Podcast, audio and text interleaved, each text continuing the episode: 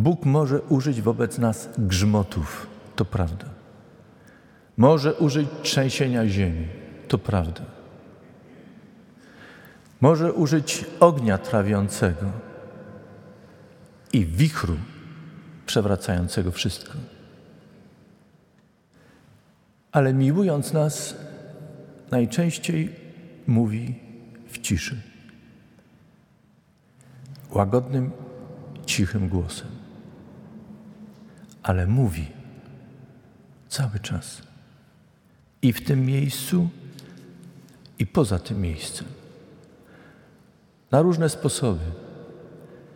I takim, kiedy używa słowa wydobywanego z pism natchnionych, pierwszego i drugiego przymierza. I wtedy, kiedy czyni gesty wobec nas, wtedy, kiedy czyni znaki wobec nas. Mówi do nas w osobisty sposób, ale niejednokrotnie używa też do tego kogoś innego. Ale mówi.